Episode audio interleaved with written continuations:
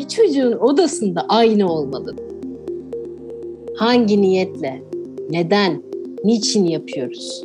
Altını dolduramadığım hiçbir şeyi çocuğa sunduğum zaman çocuğun onu kullanmasını da altını doldurmasını bekleyemem. Yatacağı yeri yani yaşamımızdaki alanını belirlememiz çok değerli. Tıpkı yaşam çemberi gibi düşünün. Gereğinden büyük, gereğinden küçük olmamalı. IKEA ile iyi fikirler başlıyor.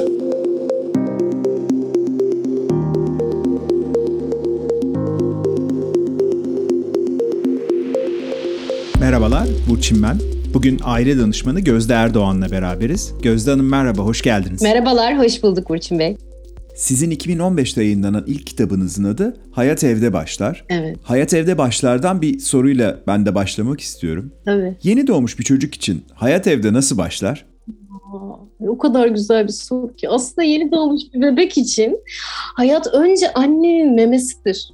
Önce memedir, sonra annenin kucağına dönüşür. Sonra bebek anneyle ayrı bir birey olduğunu, annenin ondan ayrı bir varlık olduğunu fark eder ve sonra yaşam çemberi kademe kademe kademe büyümeye başlar.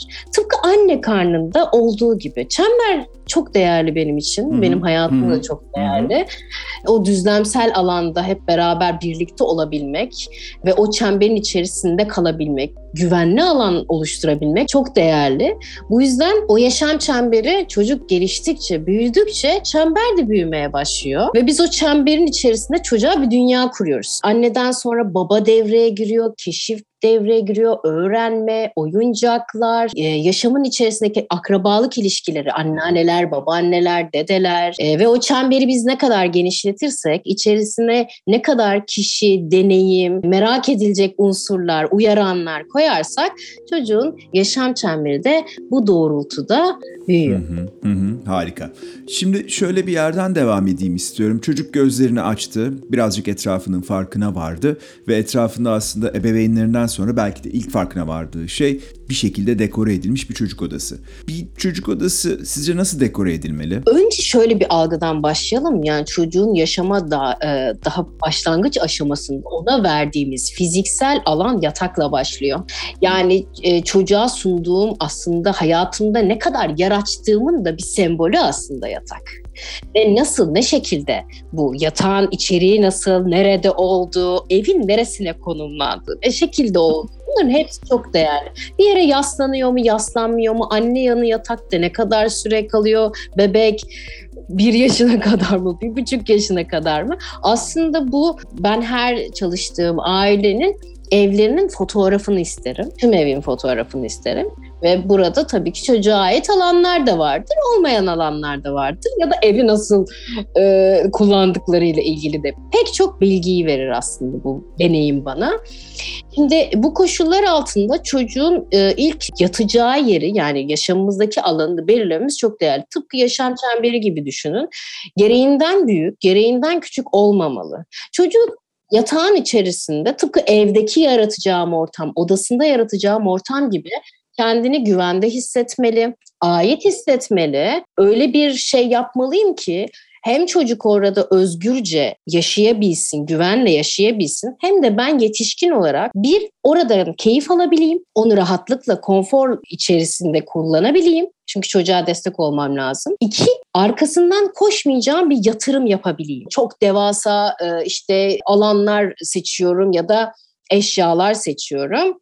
Daha sonra onların arkasından koşturmaya başlıyorum. Bu yüzden bu iki e, kısım benim için çok öncelikli. Aslında siz eşya sahibi olmuyorsunuz. Eşyalar sizin sahibiniz oluyor teorisi. Evet. Çocuk odası için de evet. geçerli bir kavram. Evet, evet. Bir gün bir odada e, çocuk odasına tren e, şeklinde bir yatak gördüm. Yatağa üç basamakla çıkılıyordu. Peki bu tür şeylerin çocuğun gelişimine olası negatif etkilerinden biraz bahsetmek ister misiniz? Yaşam bu değil. Benim çocuğumu ben yaşama hazırlamaktan ben sorumluyum aslında. Yaşamın gerçeklerini hazırlamaktan sorumluyum. Bu yüzden yatak oda çok değerli baktığınız zaman. Bu yüzden arkasından koşmayacağımız bir yatırım yapalım diyorum.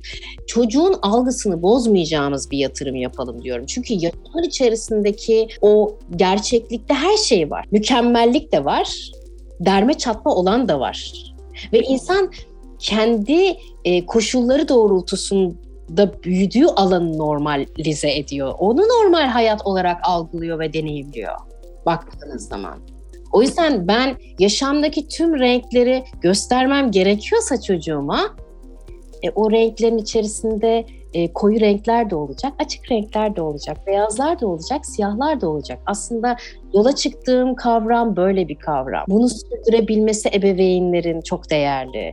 E, çocuğa, e, çocuğun bir kere yaşamla ilgili arzusunu, isteğini öldürmeyecek bir yaşam kurmaları çok önemli. Burada oda yatak diyoruz, oda diyoruz, sonra oyun, oyuncaklar. Yani bir sonrakini isteyecek kadar aç kalabilmeliyim ben. Hep. Aslında her şeyi önünde bulmaya ait bir sorun sanki bu diye anlıyorum biraz da. Her şeyi önünde bulmaması gerekiyor sanki öyle değil mi? Hem öyle evet benim yaşamak için bir çaba göstermeme gerek yok ya da e, bir şey öğrenmek için merak etmem için bir çaba göstermeme gerek yok. Çünkü yaşam tüm bolluğuyla benim için var. Şöyle sadeleştirmeye çalışayım mı? Çocuğun odası yatağı nasıl olmalıdırın önce bir cevabını daha net vereyim isterseniz. Şimdi e, çocuğun ilk doğduğu gün e, günlerde ortalama 3. 4. aya kadar tabii ki riskli durumlar da söz konusu hayati durumlar da söz konusu ve bağlanma süreci de söz konusu. Bu yüzden annenin yanında kalabilmesi önemli. Bu anne için de çok değerli, bebek için de çok değerli. Ama daha sonra şu koşulları unutmamamız gerekiyor. Çocuğun kendine ait hissedebileceği ve adım adım ayrıla, ayrışacağı, anneden ayrışacağı, özgürleşebileceği bir ortam yaratmamız lazım. Burada da yatağı anne yanı yataktan yavaş yavaş uzaklaştırabiliriz odanın içerisinde ama benim tercihim annenin babanın odasının yanında çocuğun odasının olması e, taraftarıyım. Ve orada anne babanın giderek istediği e, ve ihtiyaç duyduğu zaman bebeği sakinleştirip uykuya dalmasında destek olup daha sonra kendi odası, odasına gitmesi taraftar. Burada yatak e, seçiminde yani ben her zaman şunun altını çizdim. Mümkün olduğunca konforlu, basit, standart bir yatağın olması. Çocuğun e, kendini içeride ne çok büyük ne de çok küçük hissedebileceği bir yatak olması. Bu yüzden yüzden mesela tek kişilik boyutlarda ya da bir buçuk kişilik boyutlarda yani 90'a 190 gibi işte 120'ye 190 gibi e, yatak biçimleri e, bir bebeğin ya da çocuğun 6 yaşına kadar en azından çocuğun ihtiyacından çok çok daha fazlası.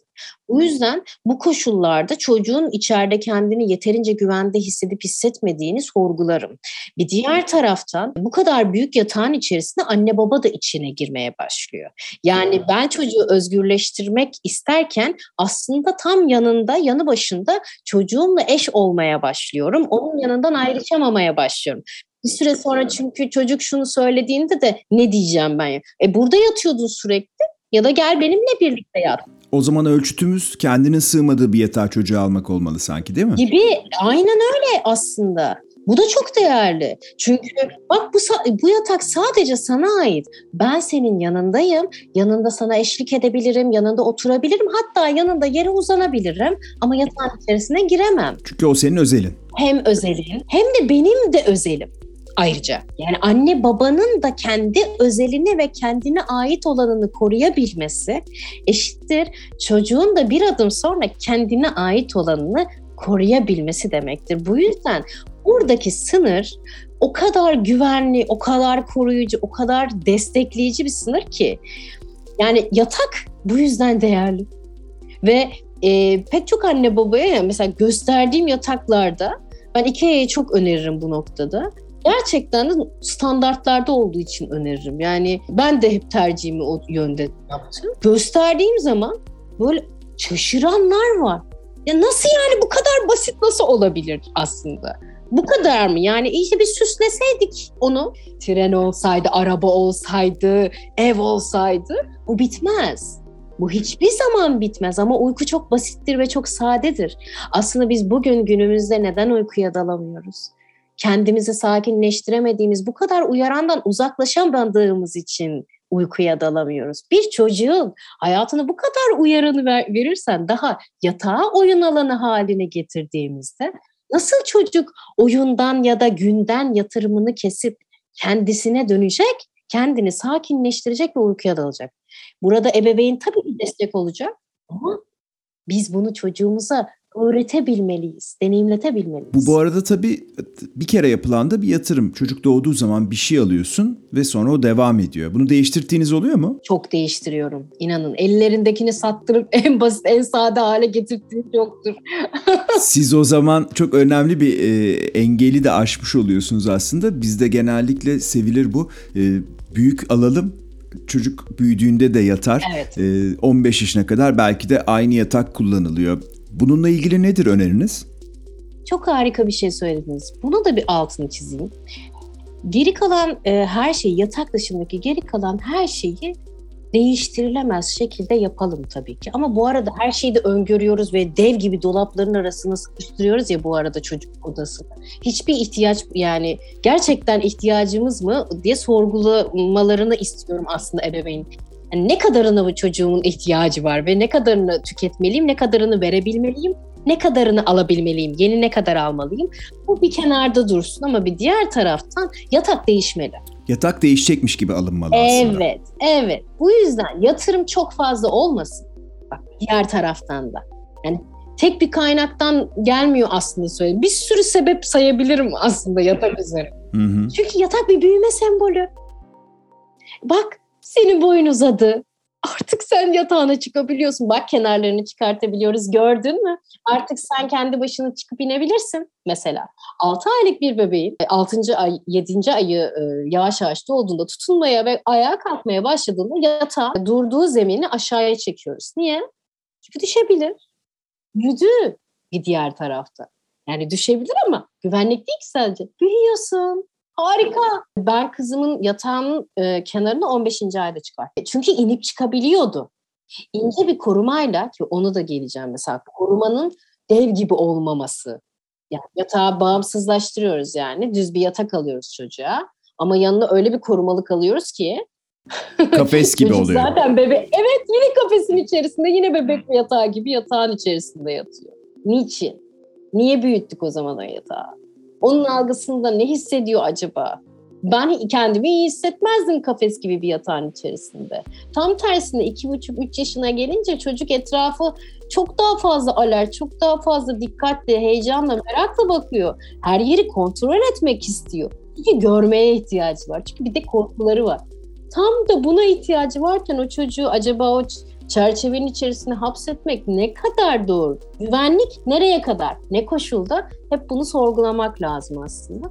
O yüzden yatak bir büyüme sembolü. Çocuk büyüdükçe yatak da büyümeli. Burada belki bir parça bisiklet analojisi de yapabiliriz. Nasıl yeni doğmuş bir çocuğa gidip de yetişkin bisikleti alıp onun büyüdüğünde de kullanmasını öngörmüyorsak aslında yatakta da e, benzer bir durumu düşünmek belki herkesin hayatını kolaylaştıracaktır. Aynen aynen. E, Yatağı çözdüğümüzü düşünüyorum. E, dolayısıyla da yavaştan aslında birazcık daha saklama alanlarına geçmek lazım. E, yatak dışında bir çocuğun odasında olmazsa olmazlar sizce neler? Olmazsa olmazlar. Birincisi ayna. Bir çocuğun odasında ayna olmalı. Dünyaya geldiği andan itibaren bence ayna olmalı. Çünkü ayna üzerinden kendimizi tanıyoruz. Bedenimizi tanıyoruz. Taklit ediyoruz. Birçok hikaye üretiyoruz. Kendimizi orada bir sürü şeyle deneyimliyoruz. Aynı zamanda anne bebek ilişkisi, baba bebek ilişkisi, baba çocuk ilişkisi içinde aynı üzerinden o kadar çok oyun, hikaye, tanıma, tanışma, taklit her şey o kadar çok değerli ki ben aynaya çok değer veriyorum. Aslında bu gardırobun kapağını ayna yapmak harika olur. İyi bir çözüm gibi anlıyorum biraz bu söylediklerinden de. Evet çok iyi, çok iyi. Gardolaplarda çocuğun e, kendi başına bir şeyleri seçebilmesi, yerleştirebilmesi, koyabilmesi, e, kendi kontrolünde hissedebilmesi bence çok değerli. Şimdi bir diğer taraftan da hani tüketim bilinci oluşturabilmek ne kadar ihtiyaç var, ne kadar ihtiyaç yok. Bunun yanı sıra bir çocuğun yaşamı sade olmalı. Biz kendimiz üzerinden düşünelim. Şimdi bir, restorana gidiyorum. Ee, bana dev gibi e, bir e, kitap e, şeklinde bir menü geliyor. Ben o menüden hiçbir şey seçemem. Hiç şey seçemem ve seçim yapmak dünyanın bence en zor şeyi. Ve şu anda bize dayatılan yaşamın içerisinde her an bir şeyi seçmek zorundayız. Ve bu seçme zorunluluğu ve sürekli bir şeylerin arasından seçme hali dikkati, beyni çok yoruyor. Bir çocuk için de çok yorucu bir şey bu. Bu yüzden onlarca kıyafetin arasından çocuğun seçim yapabilmesi çok zor. Eğer bugün çocukların dikkat gelişimini desteklemek istiyorsak bir kere yaşamını sadeleştirmek zorundayız. Oda da bunlardan bir tanesi, gardolap bunlardan bir tanesi. Yani içerisinde hem kendi başına giyinip çıkartabileceği, seçebileceği, yerleştirebileceği, düzenli bir gardırop olabilmesi lazım. Bu yüzden modüler sistemler bu nedenle değerli bence. Bir diğer taraftan da o kadar küçük bir 60'ı 60'lıktır mesela. O orada küçücük bir dolaba sığabilecek kadar kendi hayatımızı ve çocuğumuzun hayatını bence yönetebilmeliyiz. Açıkçası ben bunu bir ehlileşme yolu yani bir kendimizle irademizle ilgili bir çalışma olarak görüyorum. Önce ben yetişkin olarak bu e, noktada kendimi ehlileştireceğim. Arzularıma, isteklerime ve bastırdıklarımın kaynaklarına bakacağım aslında. Sonra çocuğuma da bu böyle bir hayat sunacağım bir diğer taraftan. Peki şöyle bir yerden devam etmek istiyorum. Pandemi hepimizin hayatını pek çok farklı alanda etkiledi. Bunun bir tane sonucu da aslında bir mekanın içerisinde pek çok şeyi aynı anda yapmak oldu. Çocuk odası da aslında bunun gibi bir yer. Çocuk odasında çocuğun hem uyuyor olması, hem ders çalışıyor olması, hem oyun oynuyor olması, hem ebeveynleriyle vakit geçiriyor olması. Bunların hepsinin bir yerde aynı mekan içerisinde olması sizce bir sorun yaratır mı? Hiçbir sorun yok aslında. Neyi ne şekilde kullandığımızla, neyi ne şekilde gördüğümüzle çok bağlantılı. Aslında diyorum ya bir insana sen e, ya da bir çocuğun ihtiyacını sorsanız e, o kadar çok farklı anneden o kadar çok farklı yanıt alırsınız ki bu bizim neyi nasıl algıladığımızla, neyi ihtiyaç olarak algılayıp neyi e, algılamadığımızla çok bağlantılı. Şimdi e, şöyle bir deneyim üzerinden bunu cevaplamaya çalışacağım. 2010 yılında otizmli çocuklarla, otizm tanısı almış çocuklarla çalışırken bir odanın içerisinde dört farklı çocuk vardı ve dört farklı eğitimciydik ve biz orada yaklaşık bir 6 ya da 7 saat sürekli olarak çocukla birebir eğitim sürecindeydik. İlk karşılaştığımda o kadar şok olmuştum ki çünkü bireysel eğitim aslında ama biz bunu nasıl aynı anda aynı mekanın içerisinde yapacağız? Hadi biz yaptık yaparız. Bir otizm tanısı almış bir çocuğun orada hele ki bu kadar dikkat sorunu yaşayan bir çocuğu nasıl odaklayacağız? Şimdi buradan yola çıkarak şunu ifade edeyim. Çocuğun yani kendimiz üzerinden düşünelim. Ee, benim referansım şu an kendim e, olduğum için e, buradan yola çıkarak anlatacağım. Ben eşyalarımın elimin altında e, görebildiğim, fark edebildiğim e, şekilde olmasını isterim. Yani bir yere koyacağım eşyayı ben ondan sonra orayı unutacağım gideceğim o eşya da orada duracak ben de onu kullanmayacağım gibi bir hayat biçiminde değilim açıkçası. E, bir çocuğun hayatında da oyun ya da oyuncaklar ya da eşyalar onun kontrolünde, zihninde durabilmeli. E, ve kendi başına gidip alabilmeli, bırakabilmeli, hatırlayabilmeli. E, eşyaları açıkçası ortadan kaldırıp unutturup tekrar koyma taraftar ben çok fazla değilim. Çünkü hem ona ait olan bir şeyi alıyorum, bu senin diyorum, hem de daha sonra ona unutturuyorum. Bir diğer taraftan da yani ne kadar işlevsel, ne kadar sürdürebilir diye düşünmüyor değilim. Bu biraz aslında okullar tatile girdi. O da oyun bahçesine döndü. Okullar tatilden çıktı. Orası bir etüt alanına döndü.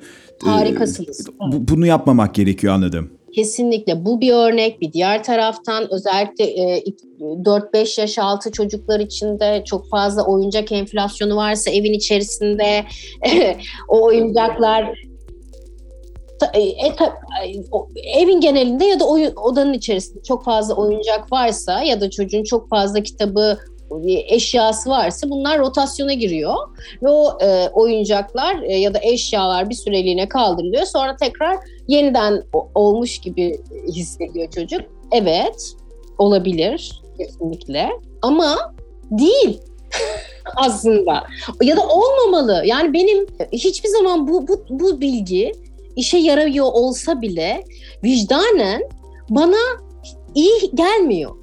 Çünkü bana ait bir şeyi yine altını çiziyorum. Bana aitse ben onu hem kontrolüm altında olsun hem ulaşılabilir olsun hem de onunla ilgili özgürce hareket edebilme hakkına sahip olmalıyım. Peki çocuk ne zaman söylemeli, ne zaman biz çocuğu dinlemeliyiz? Ben odamın rengini değiştirmek istiyorum. Ben odamın şeklini değiştirmek istiyorum. Ben bu mobilyayı değiştirmek istiyorum. Ne zaman dinlemeye başlamamız lazım? Söylemeye başladığı zaman yaşı yok. Hangi yaşta söylerse. Ayrıca odasında çizim de yapabilir. Eşyasını alıp oyuncağını alıp fırlatabilir. Odada her şey serbest kendine ait olan da her şey ser, serbest. Yani siz kendi eşyanızı kullanırken bir başka irade gelip mmm, ama tişörtünü böyle giymemelisin desi. Ben rahatsız olurum. Aynı şey onun için de geçerli aslında. Yani tabii ki e, oyuncağı nasıl kullanması gerektiğini, nereleri boyaması gerektiğini, e, hangisinin ona daha iyi olacağını öğreteceğim. Ama denemek istiyorsa da izin de vereceğim bir diğer taraftan. Şimdi odanın içerisinde oyun alanı da olacak ki bence çok önemli bu.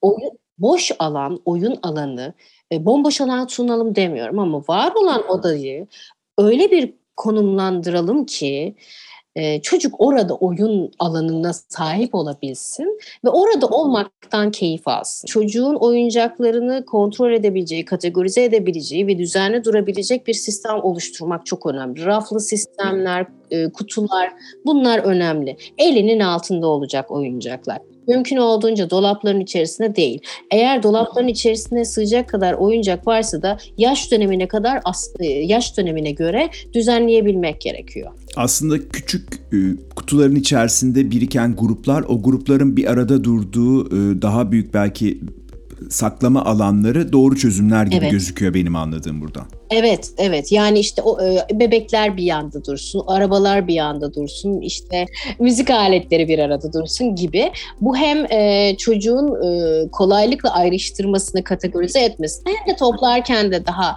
kolay toplayabilmesine sebep oluyor. E, bir diğer taraftan da yaşama ait de bir düzen kurmayı öğretiyor. Bugün aslında oyuncaklarını ayırması, yarın öbür gün eşya daha büyüdüğünde eşyaları toparlaması, iş hayatına girdiğinde bir takım şeyleri organize edebilmesini sağlıyor. İyi ile kötü kötüyü ayırt ediyor, öncelikleri ayırt ediyor. Yaşamdaki becerilerle ilgili insanları, e, iş hayatında e, gereklilikleri, ihtiyaçları, ihtiyaç olmayanları, içini dışını, her şeyi, duygularını, e, mantığını. Ve işte aslında bir çocuk da tam olarak böyle yetişiyor öyle değil mi? Evet. IKEA ile iyi fikirler devam ediyor.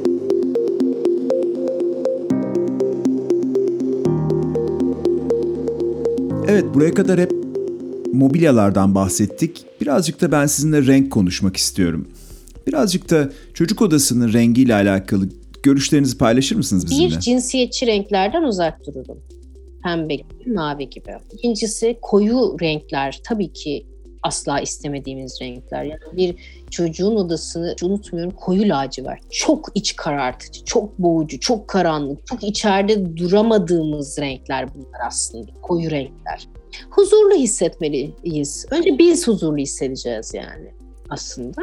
E, tabii ki renkli bir sürü sembol de olacak. Yani bütün eşyaları çok renkli olacak. O yüzden çok renk, e, duvar rengi de çok renkli olsun mu? Bence çok sade e, bir noktadan gitmemiz açık. Evet, yavaştan en önemli konulardan bir tanesine geldik. Ekranla çocuk ilişkisi. Sizce nasıl olmalı? Şöyle kısaca özetlemek gerekirse ekranlar bakıcı değil, ekranlar sakinleştirici değil, bizim yetemediğimiz yerde yetişen ebeveynler değil, oyalayıcı değil, dikkat dağıtıcı hiç değil biz kendi hayatımızda ekranı nasıl kullanıyorsak çocuğumuza da o şekilde sunmaya meyilliyiz. Ve biz en aslında tam sizin bu bahsettiğiniz sebepler için kullanıyoruz ekranı. Sanıyorum felaket de burada başlıyor. Çünkü biz kendimizi sakinleştiremediğimiz için ekranlar niye bizim elimiz? Yani bizi oyalamak ya da bizim o aleti tutabilmemiz için tasarlanan bir aletten bahsediyoruz yani. Saatlerce elimizden bırakmayacağımız bir ürün tasarlanıyor bir sistem oluşturuluyor. Şimdi bugün de tüm sistemlere karşıymışım gibi duruyor ama aslında bahsettiğim şey her şeye karşı olmak değil. Elimizdekinin farkına varmak ve ona göre kullanmak. Yani gerçek seçim yapmaksa eğer seçimler arasından bahsediyorum ya sürekli bir seçim yapmaya zorlanıyoruz. Temelde neyi seçtiğimizi bilirsek, o önemli asıl kararları zamanında alabilirsek, o seçimleri yapabilirsek bence günlük hayatımızda o kadar da zorlanmıyoruz ya. Zorlanacağımız sınavlardan geçmiyoruz, geçmeyeceğiz. Çocuğumuzla da ilgili aslında. Bu önemli bir ayrım noktası. Ben ekranı çocuğuma neden mi vereceğim? Bunlar yüzünden vermeyeceğim. Peki, cebimize koyalım bunu. O zaman çocuk ekranla ne zaman tanışacak? Hmm, her hayatımızın her alanında varsa tabii ki 3 yaş öncesi hiçbir şekilde ekranla karşı karşıya kalmasını istemiyorum. Yani telefon hayatımızın odak noktasında olmayacak. Ee, ekran çocuğun odasında gerçekten e, yani çok gerekli olduğu zamanları düşünelim. Hadi okullara tabletle gidiyorlar artık çocuklar. Ee, ama yine de tableti evet bir nebze tamam tabletin olsun diyebilirim ama odasında ekran ya da uzay üstü gibi oda e, tasarlamak taraftarı ben değilim açıkçası. Ee, yani oyun bilgisayarı alma taraftarı değilim. Oyun oynamasına karşı değilim. Oyun bilgisayarı alınmasına karşıyım. Yani e, bir diğer taraftan ortalama 3 yaştan sonra ekranla karşı karşıya geliyorlarsa ya da bunu hayatlarına e, sağlayacaksak şunu şu şekilde yapabiliriz. Lütfen kayıtlı e, çizgi filmler ya da belirlediğimiz, yetişkin olarak belirlediğimiz oyunlar üzerinden ekranla tanışmayı bizim rehberliğimiz doğrultusunda yapsın çocuk. Aslında bir bir içerik kontrolü sağlanmasını öneriyorsunuz diye anlıyorum ben bu söylediklerinizden. Bir ekranın arkasında erişebilecekleri on binlerce farklı içerikle baş başa kalmasınlar. Biz e, yetişkinler olarak gecenin üçünde, on ikisinde onun da çocuğumuzu yalnız başına sokağa bırakır mıyız? Sokağa bırakmıyoruz ama eline internete bağlı bir tablet verdiğimizde belki de daha büyük. Hiç, daha tehlikeli. Tabii daha tehlikeli bir Sokak şey yapmış daha oluyoruz. güvenli artık. E şimdi bu koşullar altında e, hani dogmatik gelebilir bazı söylediğimiz e, kısımlar sizlere ama biraz burada sınırlarımız keskin olması gerektiğini düşünüyorum ben. Çünkü ekranlarla ilgili biz eğer çok güçlü durmazsak çevre bunu esnetecek zaten bu arada. Ve biz bir yere kadar çerçeveyi sıkı tutabileceğiz. Yoksun bırakmaktan bahsetmiyorum. Ama o yaşa gelinceye kadar çocuğun ruhunu, beynini ne kadar güzel e, deneyimle, ilişkiyle, keyifli bağ kurarak, ilişki kurarak e, doldurursak, öz ne kadar sağlam olursa, yolda sapmalar olsa bile o kendi yolundan güvenle gidecektir aslında.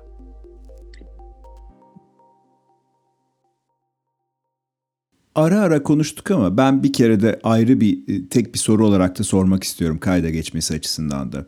Oyuncakla ilgili görüşleriniz neler? Hangi yaştan önce hangi oyuncaklar, hangi yaştan sonra hangi oyuncaklar? Bunlarla ilgili fikirlerinizi de alabilir miyim? Ee, ortalama 3 yaşına kadar oyuncakta cömert, 3 yaştan sonra pinti olun derim ben.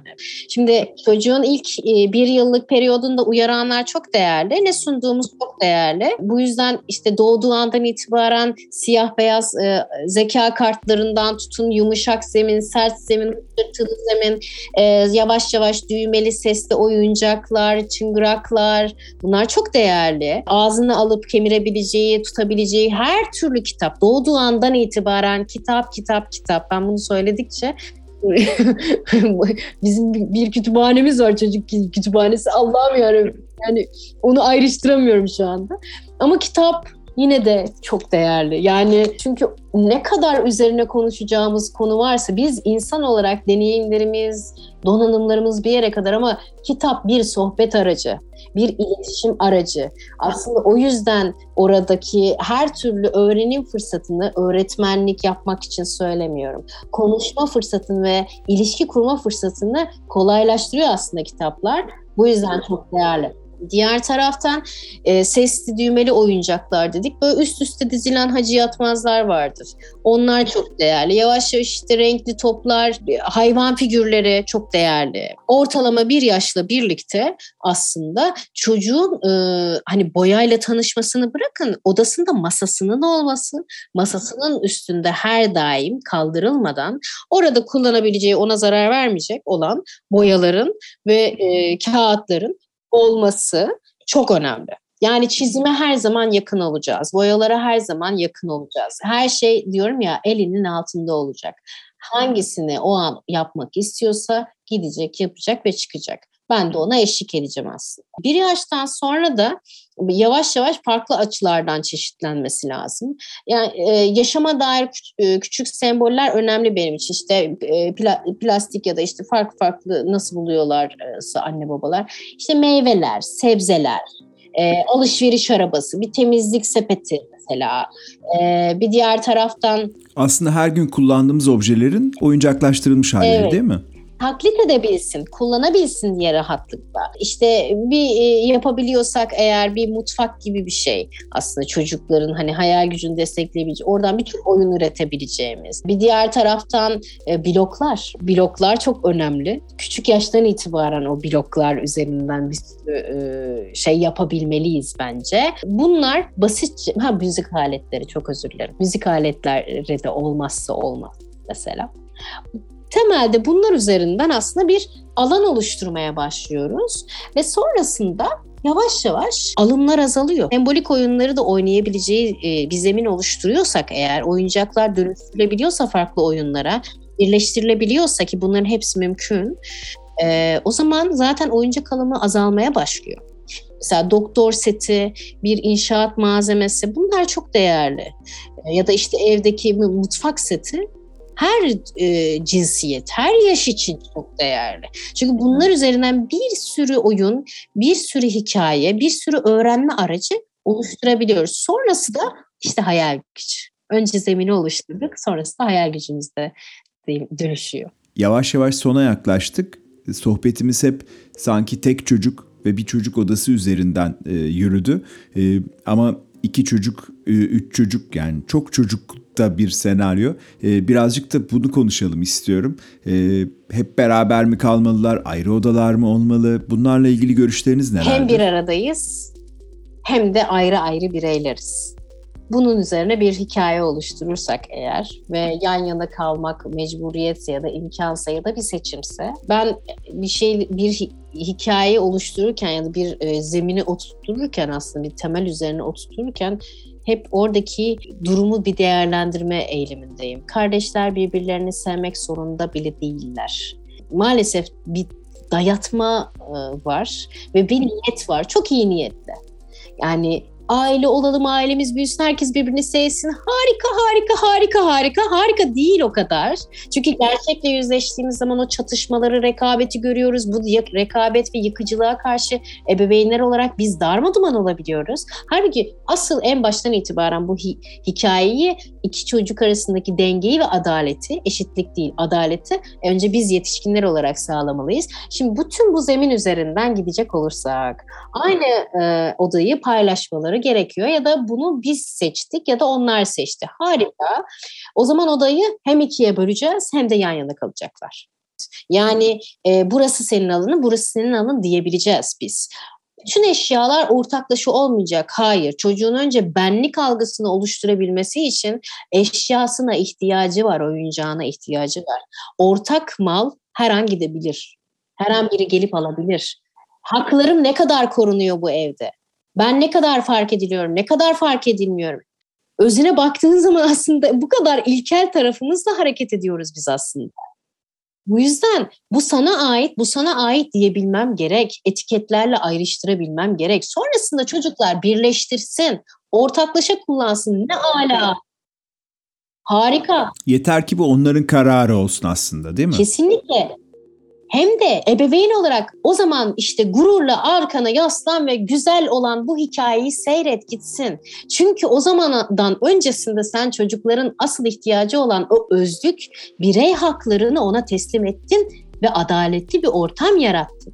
Onun sayesinde aslında rekabet azalıyor ve o anlaşılıyorum, fark ediliyorum, biricik olduğum görülüyor anne babam tarafından duygusu çocuğa ancak bu koşullarda gidiyor zaten. Bu sebeple aynı odanın içerisinde ayrı ayrı alanlar yaratılmalı. Bunun içerisinde oyuncaklar, kıyafetler, eşyalar, kitaplar her şey dahil olmalı. Bunun dışında evin ortak e, malzemeleri ya da oyuncakları olmayacak mı? Olacaktır tabii ki her şeyden ikişer üçer tane almayacağız. Ama o zaman da ortak alanda onu tutun derim ben. kutuları, e, kutu oyunlarını ya da ortak eşyaları alın, ortak al, e, kullanım alanına koyun. Herkes ihtiyacı olduğunda ya da birlikte bir şey yapacağımızda gidelim oradan alalım. Ve bu seçimi hep beraber yapalım ya da ihtiyaca göre yapalım. Tablet de öyle mesela. Yani çocuk, çocuğa bu alt e, evladım bu senin tabletin diyebilmem için okulun o tableti verin diyebilmesi gibi bir zorunluluk olması lazım. Aksi durumda evin bir tane tableti olsun. Herkes ihtiyacı kadar kullansın. İhtiyacı olmadığında bıraksın mesela. Gibi bir yaklaşımdan bahsediyorum aslında. Peki Gözde Hanım, çok çocuklu çocuk odaları için e, ranza önerir misiniz? Ya açıkçası ranzalar hala çok keyifli ve çok eğlenceli. Aslında çocuklar da buna çok e, böyle sempatik bir taraftan yaklaşıyorlar. E, burada bir e, bu arada her zaman yaş farkı olan her türlü durumda kardeşler arasındaki ikiz e, çocuklardan bahsetmiyorsak ya da üçü sonuçta bir hiyerarşik bir düzen var. Doğal bir hiyerarşi var. Çocukla anne babanın ayrışması gerektiği gibi burada kimse kimseye güç uygulayacak ya da elindeki gücü kontrolsüzce kullanmayacak ya da kendi çıkarları doğrultusunda kullanmayacak. Ama anne baba tarafından en başta sen abla ya da abi olduğun için 9.30'da tabii ki e, sen, senin yatma saatin 9.30 ama kardeşininki onun daha fazla uykuya ihtiyacı olduğu için bu e, daha işte küçük olduğu için 9 diyebilmesi bence herkes için çok sağlıklı. Kardeş için de çok sağlıklı çünkü beklemek ve sabredebilmek. Çünkü onun da büyüye yetişmesi gibi bir derdi var büyüğün büyük olduğunu hissedebilmesi. Yani sadece e, büyümenin sorumluluklarla birlikte geldiği değil, avantajların da yaşanabilmesi ve böylelikle aslında kardeşe de çok yakınlaşıyor.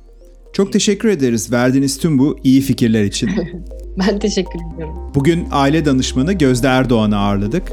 IKEA ile iyi fikirlerde buluşmak üzere.